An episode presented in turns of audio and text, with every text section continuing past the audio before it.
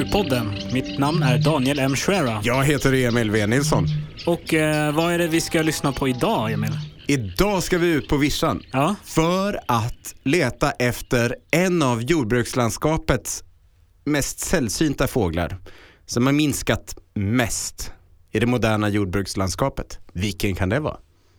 Oj, oj, oj, oj, oj. Nu råkar jag i och för sig veta, men eh, Du, för- du en försökte sekund, ändå. en gissningssekund här för eh, publiken. Och så Ja. kan jag säga ortolansparv. Precis, vet du hur den låter? Nej, Den låter så här. Biff, biff, biff med Ja, lök, lök, lök.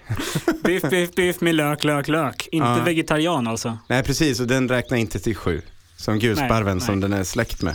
Vi eh, ska ut till ett vägskäl där jag står och väntar på Jan Wernbäck från Upplands fågelskådare och Världsnaturfonden Sverige.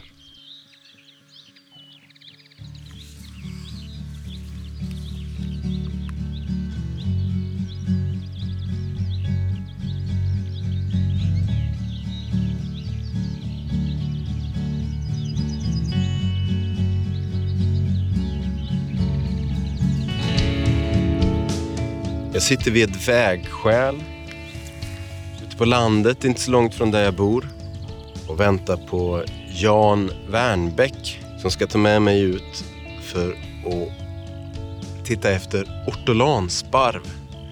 Och så ska vi se lite på de naturvårdsåtgärder som de har gjort i det området just för ortolansparven.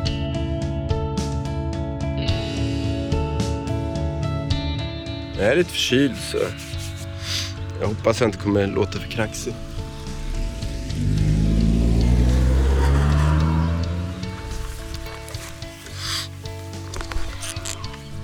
Tjenare! Hur är läget? Har du skaffat en ny bil?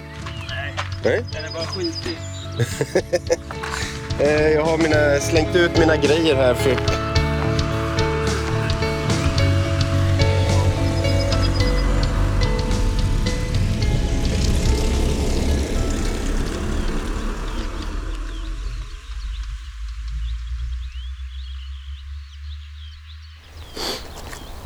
Nu står jag vid en mindre landsväg här. Och ser en bil komma lite längre bort. Den, den liksom slingrar sig lite genom det här jordbrukslandskapet. Ser några gröna åkrar, väldigt gott om åkerholmar med mycket flyttblock på. Det är någon rönn som börjar blomma här. Vi har en eh, energiskogsplantage en bit bort.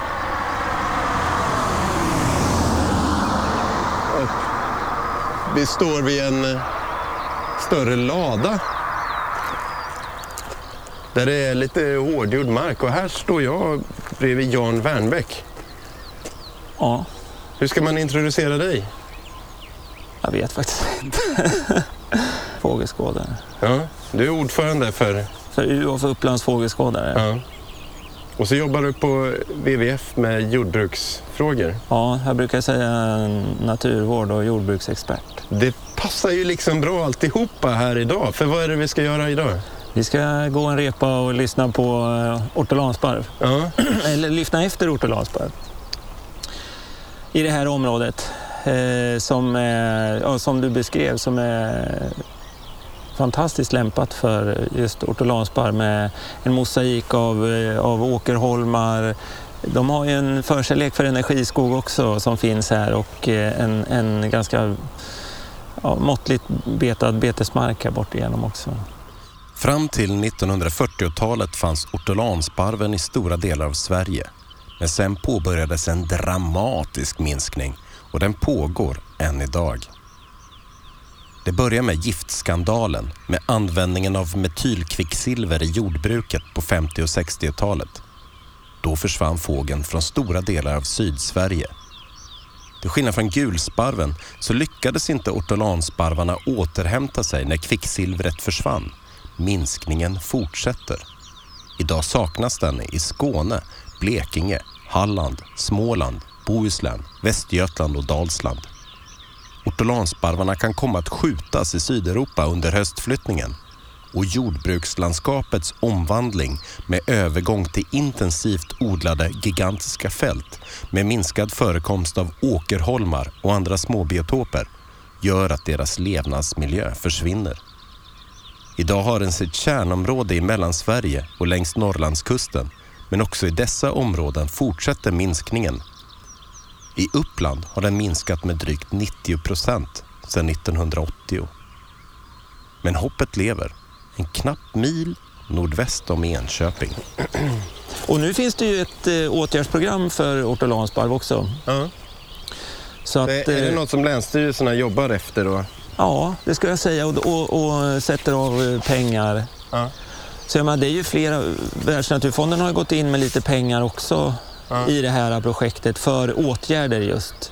Så att, eh, och, och det blir en bra kombination där Länsstyrelsen anlitar en person eh, som kunnig på jordbruksfrågor från Hushållningssällskapet som tar kontakt med markägare och WWF har langat in lite pengar som man kan erbjuda till markägarna för att de gör åtgärder under ett antal års tid här i det här området. Och Ja. då, då gör man någonting. Ja. Eh, Sen är ju ortolansparven en, en art som är ganska svår att jobba med. Ja. Ja, men det är väl fint ändå. Liksom. Man kan inte bara stå och titta på när den biologiska mångfalden försvinner. Man måste göra någonting. Nej, men vi, har, vi, Det här är har, ett konkret exempel. Liksom. vi har väldigt bra data i Sverige på hur, hur fåglarna utvecklas. Så det, det är ju, Ja.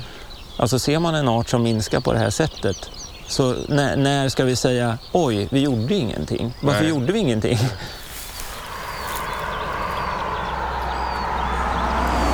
En modern landsbygdsbefolkning. Ja. Det är så man ser dem. Det är nog nästan eh, snart tio år sedan eh, så gjorde vi ett upprop i, i, i Fåglar i Uppland i vår tidning om och, och kollar på efter ortolansparvar och sen efter, för att få en slags uppfattning vart fanns de fortfarande kvar i landskapet. Eh, och sen efter det så eh, identifierades det här området här som, som hade väldigt mycket ortolansparv. Och just den här trädan som var träda då också, Ja. som ligger bakom den här ladan. Eh, här var det väldigt mycket ortolansparvar som satt och sjöng Okej. eh, det året. Och vi hade ett möte tillsammans med eh, Länsstyrelsen, tror jag var med, och, och flera lantbrukare, Hushållningssällskapet eh, här ute och, och, och pratade. Och sen drog vi igång ett, så, så det här lokala naturvårdsanslaget, Mm. ett LONA-projekt. Där vi fick eh, markägaren med oss också eh, och göra åtgärder i form av, av eh, lämna osådda partier runt åkerholmar och, och så här. Eh, Och sen följde vi populationen under fyra år. Men ja, de, det är ju svårt med fåglar, man vet inte rikt- riktigt var de... Här har det, har det funnits, men det verkar som att de har skjutits österut.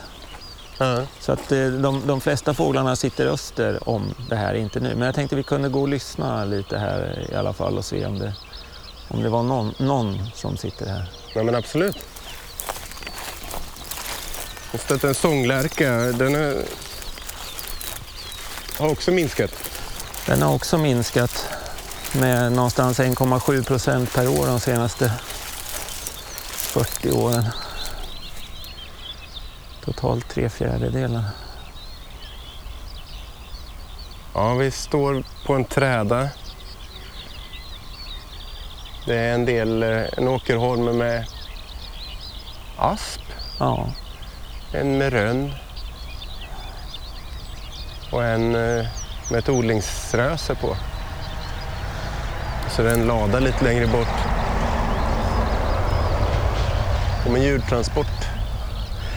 det här är ju... Det man såg var överrepresenterat i när man gjorde den här studien på ortolansparvs... Nu är göktutan. Ja, Så är det ju lador, telefonledningar, barjord och åkerholmar. mm. Det, det tycker de. Så det här är ju egentligen en, en perfekt... Eh, utifrån en män, människas vinkel perfekt ortolansparvsbiotop. Vi kanske ska gå eh, söderut, eller Mm. österut. absolut. Men här har de harvat eller Nej, han, dragit? direkt, han direkt sår. Direkt sår? Ja, Okej. det är plöjningsfritt så förmodligen har de väl sått. Jaha. Ja, du tycker det ser ut som det börjar komma upp lite. Ja, det är någon form av gräs, vete kanske. Ja. Spannmål.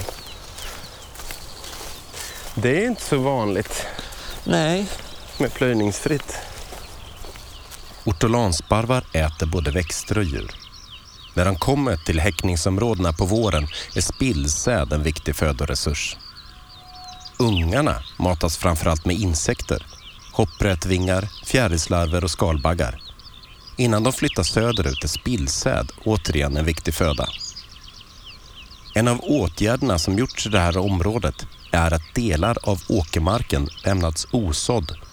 Det skapar fläckar med bar jord i åkrar med spannmål men ortolansparv är ju en eh, jordbruksfågel som, som tycker om det här lite småbrutna eh, landskapet. Eh, I storlek ungefär som en gulsparv men sen i täckning väldigt annorlunda med hannarna har ett grått huvud och lite svavelfärgad hals och, och bröst och, och lite rostbrun så här ner på, på kroppen. De är väldigt snygga men inte på ett väkigt sätt. Nej, ja, precis. De, är- de är lite, lite så här mm, modest, eh, men, men som du säger otroligt vackra. Och som har en otroligt vacker, vacker sång. En, en sån här fallande, fallande lite vemodig eh, strof.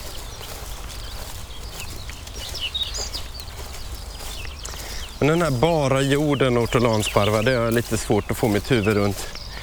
Är, det- är det för att plocka frön de behöver det eller vad, är, vad vill ortolanen ha? Nej, de vill ju ha insekter. De matar ju sina ungar med insekter. Så, men så, så jag skulle kunna tänka mig att det är precis som sånglärkan, det är för att kunna komma ner. Och, och backen, liksom. På backen och kunna gå in i... För de har ju följt de här, de här ortolanerna i Kvismaren som de har, har de ju följt ganska noga. Sedan 2010 bedrivs ett projekt vid Kvismare fågelstation. Kvismaren är en fågelsjö och ett naturreservat två mil söder om Örebro. Och då såg vi att där sprang de i... Man lämnar ju, lantbrukarna lämnar ofta osådda så, så här sprutspår. Ja. Då flög de ner i de här sprutspåren Okej. och födosökte ifrån dem. Ja. Och det har man ju sett tidigare också i, i på 90-talet, slutet på 90-talet så hade de några studier i Danmark och satte sändare på, på sånglärkor. Och där såg man ju också att de sprang ju framförallt i sprutspåren. Ja. Och det är väl, jag menar, väger du en runt 30 gram och, och spannmålen är liksom en halv meter hög och, och jättetät. Ja. Då är det inte så lätt att komma ner i det där.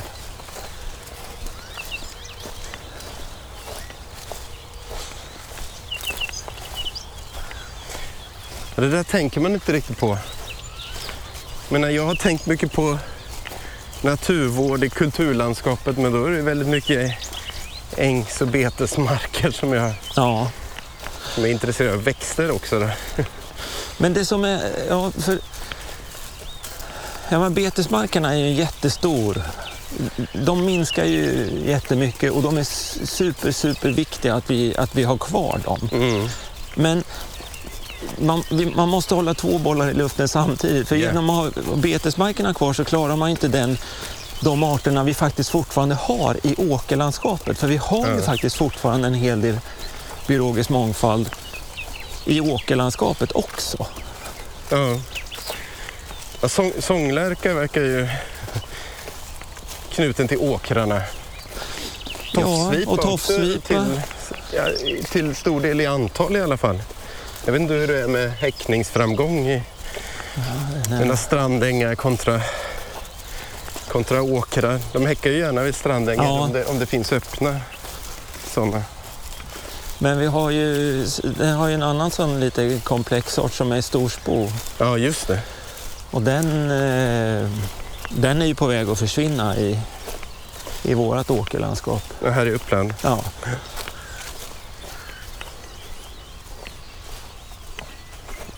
går vi förbi en modern modernt odlingsröse. Det är rejäla block som är lagda på, på höjd där. Sticker upp tre meter från åkernivån. Så växer det druvfläder. Men så runt de här, ja, som runt den här åkerholmen så har han, Ja. har han brukat lämna då, liksom så det blir en, en plätt med, med bar jord. Och han kör Ja. inte ända in till. det ser man ju faktiskt här också. Ja. Han, det är lantbrukare Mats Pettersson. Jag heter Mats Pettersson och är lantbrukare. Vi ska tala mer med honom senare.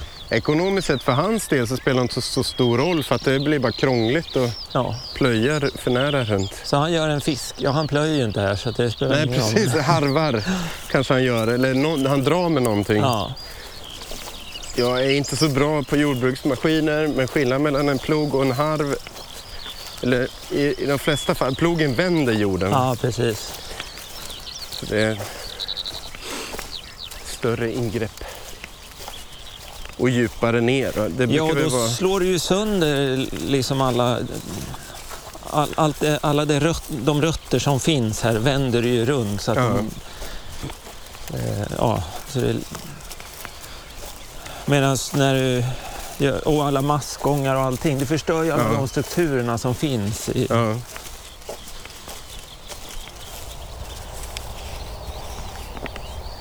Så när man lyssnar efter ortolansbar, vad ska man rikta in sig på?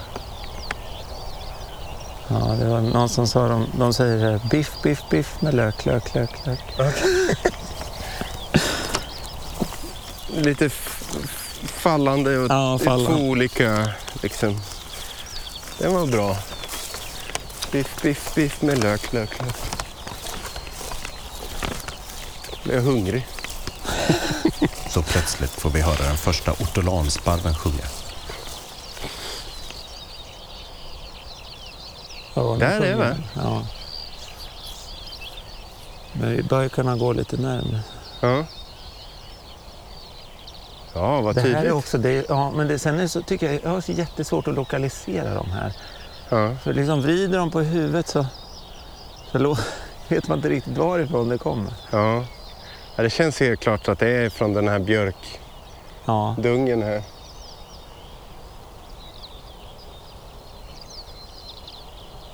Vi går lite närmare.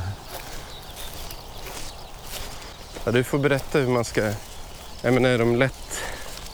Nej, de är inte lätt. Nej, det är de inte.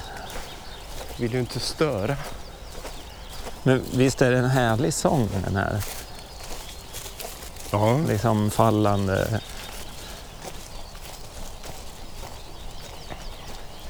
Det är det ju. Men det är ju lite åt uh, julsparvens. Ja,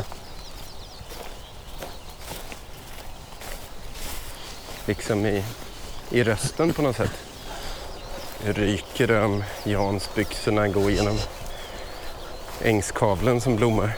Pollen. Pollenmoln som ryker.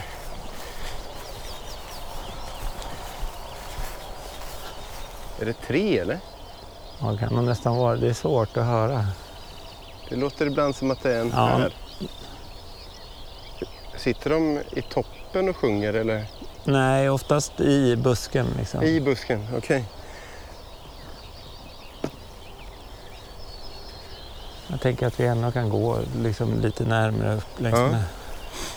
Jag tänkte då att jag kan sitta någonstans kanske och Ja, absolut. spela in. Hur många? Jag tycker det låter som det är ortolan överallt nu.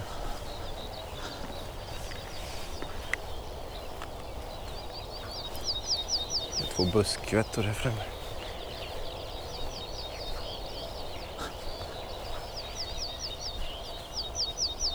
Tre måste, det måste vara tre. Ja, lätt. Sitter någon här och sen så... Den här är ju nära. Ska man sitta i dikeskanten här, tror du? Ja, det tror jag.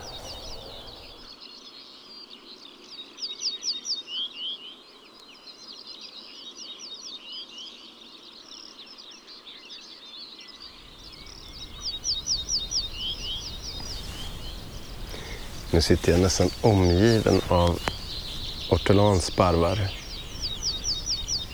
Törnsångare, träpiplärka, bofink, buskskvätta. Ska se om jag kan hitta någon ortolansbarr. Det är som att de inte bara säger biff, biff, biff med lök, lök, lök, lök. Utan att de ibland också bara säger biff, biff, biff, biff, biff, biff. Eller som den här här borta ibland. Biff, biff, biff, biff, biff, biff, lök.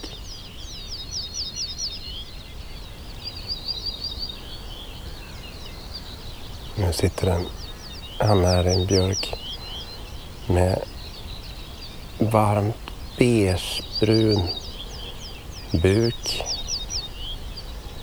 blekgul haklapp och sen just under näbben är den betydligt gulare. Och sen har den sammetsgrå huvud och sen ett gult mustaschstreck från näbben liksom neråt. Så den spräckligt färgad på ovansidan av vingarna.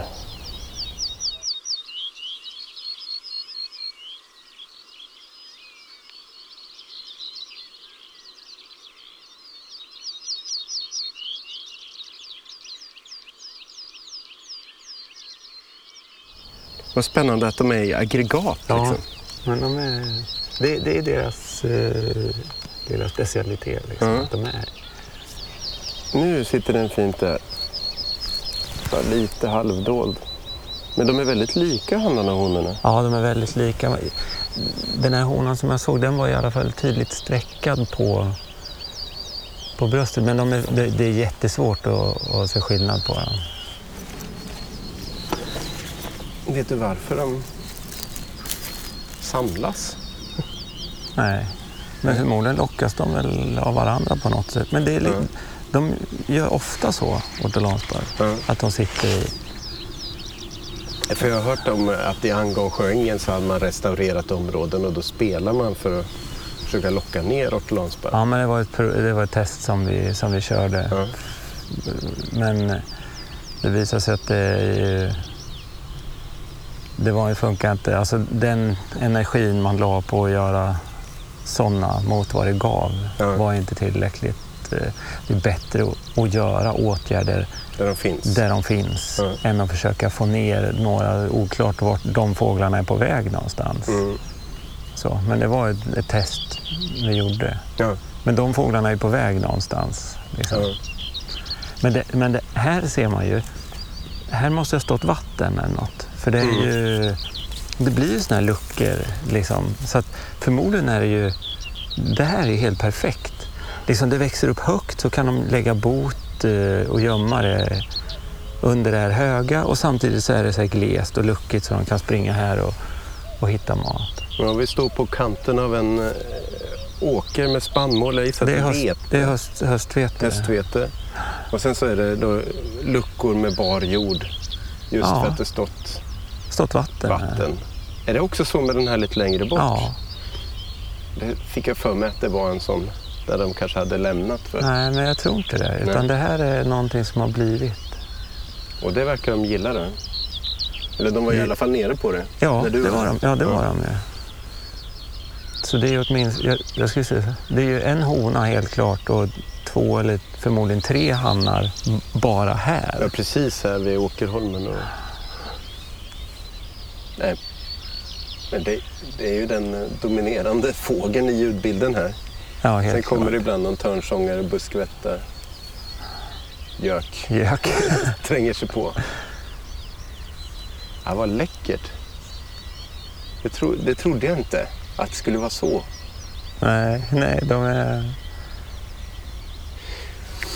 Nej, men det är så här lite lösa aggregat. Nu sitter den i toppen där på, Aspen. i toppen på aspen. Ja, titta. Ja, men nu, för så minns jag att jag har sett dem eh, för på 90-talet liksom när man letade. Ja, Cyklade runt.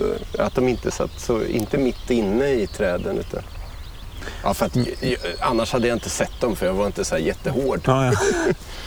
Men eh, alltså, de är ju otroligt smyga liksom, sen när de, eh, häckar. Jag vet inte om du Mm. tänkt på honan, hon damp ner i det här höga. Sen Ja. flög hon upp och sätter sig inne vid träden. Det, det är ett Mm. jättejobb att hitta om man skulle försöka hitta bon och konstatera häckningar. och där. Det är ett jättejobb alltså. Men Gulsparvar, de, till exempel, de drar ju ofta runt med, med någon förälder och tigger mat. Mm. Och, och, alltså min känsla är inte att ortolansparven gör på samma sätt utan, utan den håller sig liksom dold och, och vill inte exponera sig sen. Nu är det ju lättare när de sjunger, är de ju, är de ju lite mer sådär exponeringsvilliga. Men hur går det för det här området då? Med ortolansparven här, vet man det? Ja, men utifrån, utifrån de, det projektet vi hade, det här Lona-projektet Ja. i fyra år, så Mellan 2013 och 2016 pågick ett projekt med Lona-medel där Lona står för lokal naturvårdssatsning och ett samarbete mellan en kommun och Naturvårdsverket, administrerat av Länsstyrelsen. Lantbrukare fick kompensation för att lämna osådda rutor i åkermarken.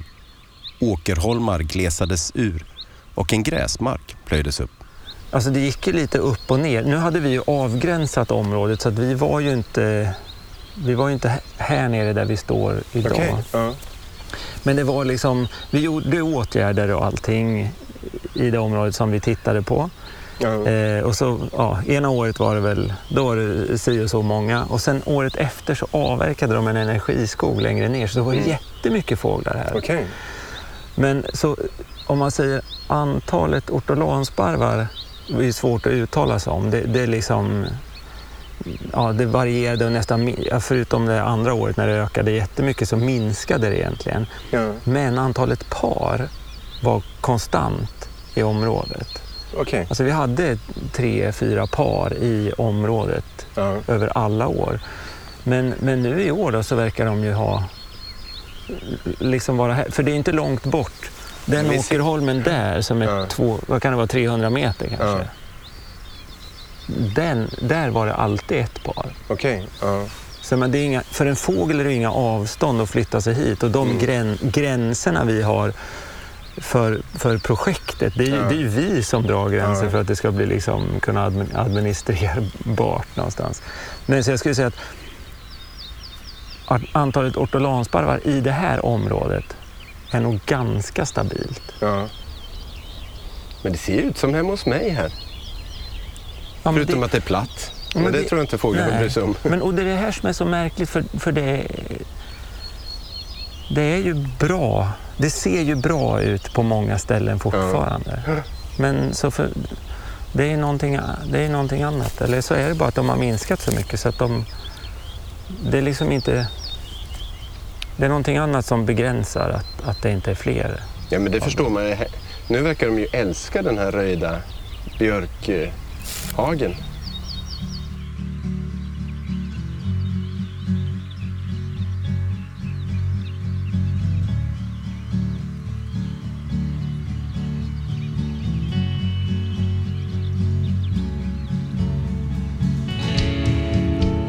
Lämnar björkdungen med ortolansparvar för att prata lite med lantbrukaren Mats Pettersson som har varit en avgörande del av projektet i det här området. Hej! Hejsan! Vi står på din gårdsplan. Vem är du?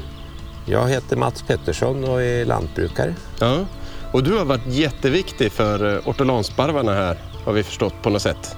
Ja, det vet inte jag någonting om. Nej. Hur... Har, har du, du har träffat Jan Wernbäck tidigare. Ja, Ni har en, har haft ett samarbete, eller hur funkar det? ja. eller hur Jan? Ja, men det kan man väl säga. Vi, med, med det här projektet som, som vi hade här och redan innan vi hade projektet också så, så var det ju, såg vi att det var väldigt mycket ortolansparvar på de här markerna som du brukar. Mm. Eh, och då eftersom vi ville göra aktiva åtgärder så behövde vi någon som gjorde de här aktiva åtgärderna och, då, och Mats tyckte att det var en bra grej att göra och det passade. Du ställer upp på det? Ja, det är väl... Jag, har inte, jag tycker inte det har varit så jättestora saker, men om det Jan säger att det gör nytta så blir man ju glad. Ja. Så du har hört ortolansparv? Ja, Ja. ja. Är du intresserad av eh, djur och natur sådär? Ja, jag är, det är jag väldigt som sagt. Ja. Inte bara fåglar utan Nej. allt. Allting? Ja. ja. Ja, ja vad roligt. Nej, för det var ju en, en fantastisk upplevelse där borta. Nej, men det, här är, det här är kärnområdet i Uppland. Eh, liksom härifrån och, och vad blir det? Öster, sydöst. Eh. Så att det är här de finns kvar. Sen har de ju försvunnit på många ställen. Eh, förra året tror jag inte man hade, det var ju där vid Faxan utanför Ja. Uppsala. De var inte, var inga, om man hörde någon, men inga häckande fåglar Jaha. där alls. Så det här är ju liksom nyckel, nyckel, eh, nyckel för, för ortolan. Och det är därför det är så roligt att kunna, kunna ha eh, Matt som ett, som ett bra exempel på att vi faktiskt kan göra saker tillsammans. Vad är det du har gjort för någonting då? Rent konkret? Vi har väl eh, lagt lite lärkrutor Mm. på lämpliga ställen på åkrarna. Och vad innebär det för de som inte vet vad en lärkruta är för någonting? Ja, det är en, vi tar upp såmaskin och cirka, om det är 8-10 meter långt och såmaskinsbredden kan man väl säga i stort sett. Då. Så det Ja. blir bar jord där, mitt i Ja, åkern? med liksom. lite ogräs blir det ju Ja. gärna då. Så att de kan gå ner och, och att de kan eh, eh, lätta därifrån också. Mm. Sagt, så att, eh, och det är ju inte jättestora. Jag försöker lägga där det finns någon sten eventuellt eller så, så att Mm. i anslutning till eller så. Och sen har vi väl eh, huggit lite grann i, på något ställe Ja. Som eh, lite för lite än vad vi borde göra egentligen. Men eh, det, det, det, det är skönt att, att, eh, att man har dåligt samvete i varje fall. Ja. Eldar du med ved eller? ja, Ja. men eh, och sen så har vi väl haft lite träda Ja. som, och, och förlagt det egentligen på det, en bit som vi har haft mycket ortolansparv, lite tätare än vad vi brukar ha. Ja.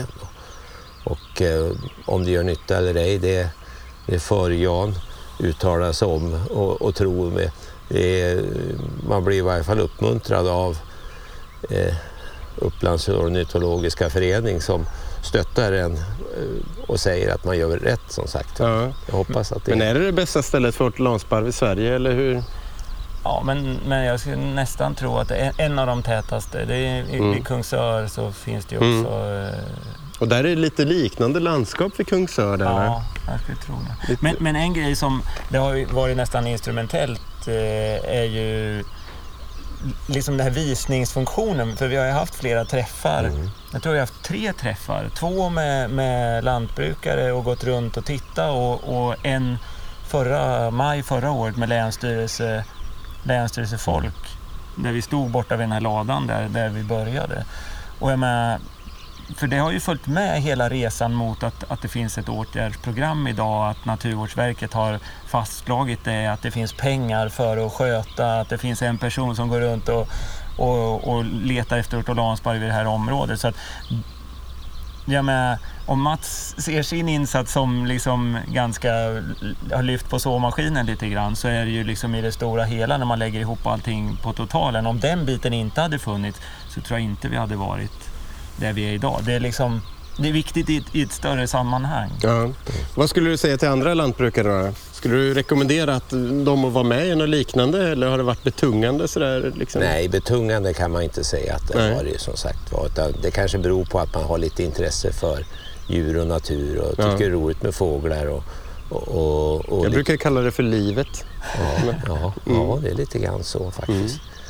Så att det, det vill jag inte säga alls så att säga. Utan det är, jag rekommenderar för de flesta lantbrukare är väldigt intresserade av djur och natur. Mm. Så att eh, gärna att hoppa på och vara öppen för förslag ifrån. Nu har Upplands ornitologiska förening varit väldigt eh, förnuftiga vad de har kommit med förslag så att de har inte liksom lagt något stort ok på ens axlar utan de har lyssnat på och det, Det beror på hur, hur man är. Det är personkemi. Ja. Det är det faktiskt. Det är jättemycket personkemi egentligen. Så att, eh, därför så, så eh, det hänger på det egentligen. Då. Hur man uppför sig och det. Då blir man gärna välvilligt inställd också faktiskt. Så att, Så du eh, säger han är snäll alltså? ja.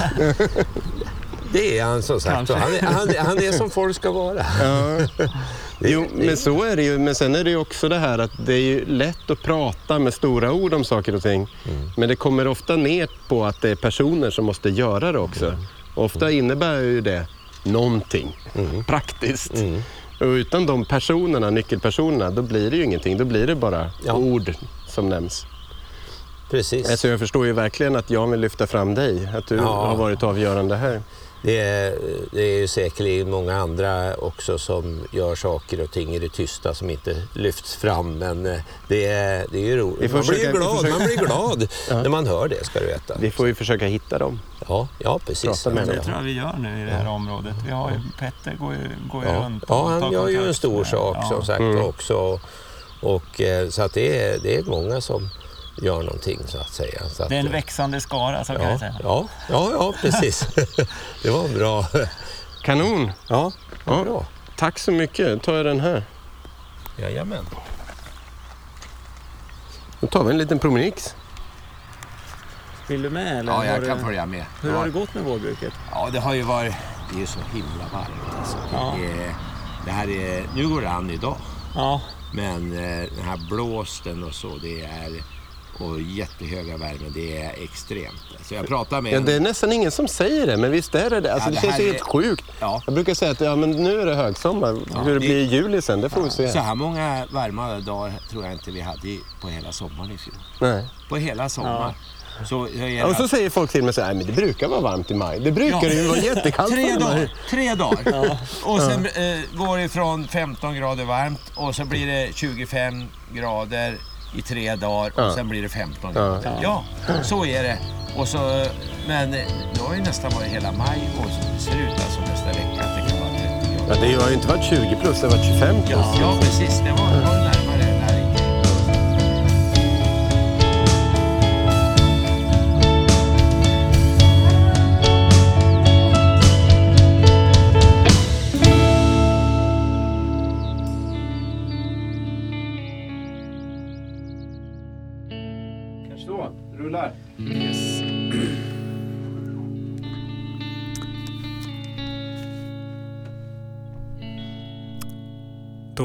tillbaks i den här verkligheten. Ja.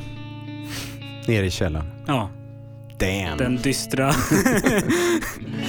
Nej, men eh, det var ju väldigt spännande Ja, att, eh, att det finns såna här pärlor kvar. ja, verkligen. Trots det intensiva jordbruket som vi har idag. Hur lät de nu då, ortolansparvarna?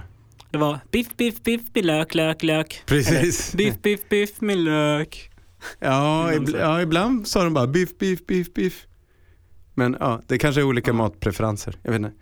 Nej, men jag tycker det var roligt med den där ramsan för att en grej du eh, inte vet är att dagen efter Ja, så var jag ute och red med min dotter hemma vid ja.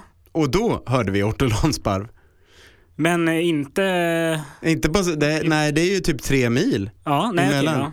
Det var jätteroligt för då hörde jag en hane och, och det visade sig att det var ett område där det tidigare var ett revir för ortolansparv. Okej, men det hade inte upp, alltså, återfunnits? Nej, jag tror att det bara var en ensam hanne. Det är svårt att veta, men jag tror det. Ja, Men Ulf Karlsson som har varit engagerad i ortolansparv i, där jag bor tidigare. Ja. För det var, det var liksom ett jättebra ställe för ortolansparv för 25 år sedan. mm. Han berättade att det- det var ett revir där då.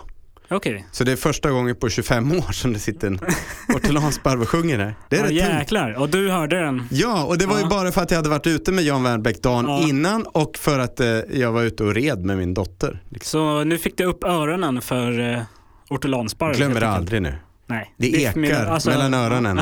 biff, biff, biff med lök, lök, lök. Ja, nej, men jätteroligt tycker Ja. jag.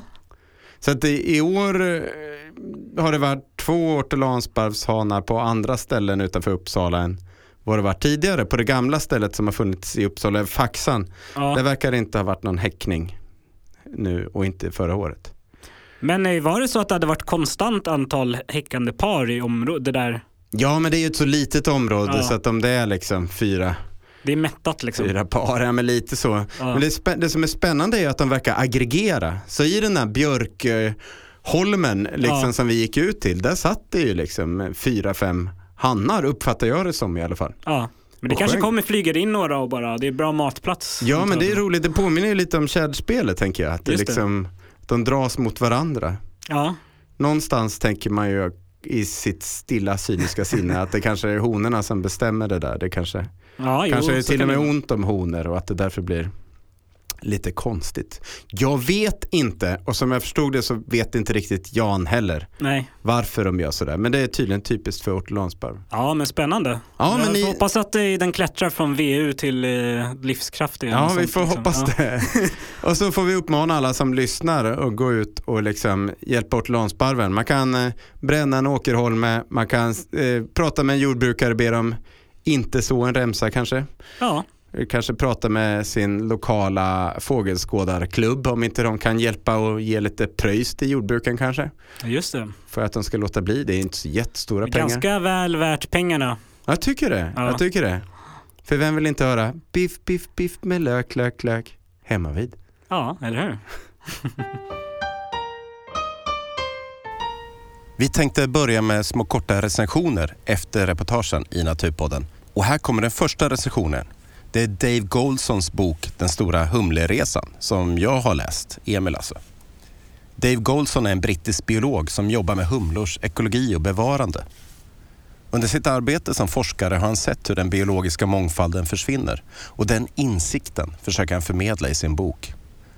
Boken heter Den stora humleresan och ges ut på svenska av förlaget Volante. Jag tyckte boken var lättläst och att texten flyter på lite som hos böcker av Fredrik Sjöberg. Men Golson skriver med ett rakare, mer direkt språk. Han beskriver resor jorden runt. Och de här smittar naturligtvis med sin exotism. Men den är förledande tycker jag. För att det är när han skriver om Storbritannien som det bränner till på riktigt. Där handlar det inte om något exotiskt paradis långt bort som går förlorat. Det handlar om att humlorna försvinner i den vanliga vardagsvärlden utanför där vi bor. Och i många delar av Storbritannien är situationen rent av värre än i Sverige. Goldsons alla resor runt om i världen sker dessutom utan någon reflektion och visst är jag glad över att slippa beskrivningar från flygplatser. Men är det inte fullständigt absurt hur vi idag förväntar oss att kunna bli förflyttade till andra sidan jordklotet utan ansträngning? Nu på sommaren håller jag på att läsa om naturforskarna Alfred Russel Wallace, Henry Bates och Robert Spruce där de tar sig in i Amazonas på 1800-talet. Och då är själva resan ett verkligt livsfarligt äventyr då döden var ständigt närvarande. Ja, det ska väl inte ligga Golson till last, men jag tycker verkligen att han är som bäst när han skriver om de brittiska öarna. Det är då det bränner till och det är då som lösningen blir mer uppenbar. Vi blir starkast om vi agerar utifrån platsen vi bor på. Think globally, act locally, liksom. Men att boken får mig att börja tänka är ju ett gott betyg tycker jag. Därför tycker jag också att du borde läsa Den stora humleresan. Den väcker tankar. Så Emil, vad kommer nästa avsnitt av Naturpodden handla om? Det handlar om när du, Danny, hänger i en klippa i ett stup utanför Västervik. Med risk för ditt eget liv, bouldrar dig upp. Nej, nästan i alla fall. Vi har ju varit och klättrat i stup och letat efter berguvsungar. Ja, Tillsammans med min pappa som inventerar berguv. Så det är inget illegalt vi har hållit på med. nej, helt totally officiellt. legit. Ja. Vad heter det? Det heter inte så. Nej men det är helt eh, lagligt och eh, ordentligt. Har en person i taget fått följa med min pappa när han försöker leta efter berguvsungar i olika branter utanför Västervik. Ja, det är en eh, ganska cool hobby måste jag säga. Ja visst är det. Han är helt besatt. Det är liksom naturvård möter bergsklättring. Ja, vet du vad min mamma säger? Vad säger hon då? Han säger han jobbar ännu mer nu sedan han blev pensionär. Han är aldrig hemma. så är det, så då är han ute i ett stup. Ja, Vad är han nu? 70? living on the edge. Ja, 70 bokstavligt talat. så är det. En modern form av ättestupa. Skicka ut pensionärerna på bergsinventering. Ja, ja Det löser frågan med ålderdomshem. Till slut. Nej men det är jättekul. Eh, både tycker jag det var roligt att vara ute med er och det var roligt att vara där med pappa och det var fint och det var var väldigt fint. Varmt, Varmt. och ja, jävligt varmt och Ja. sol och, och hav. Och värme och Ja. lite värme till. Ja, nej men så lyssna på det om ni törs.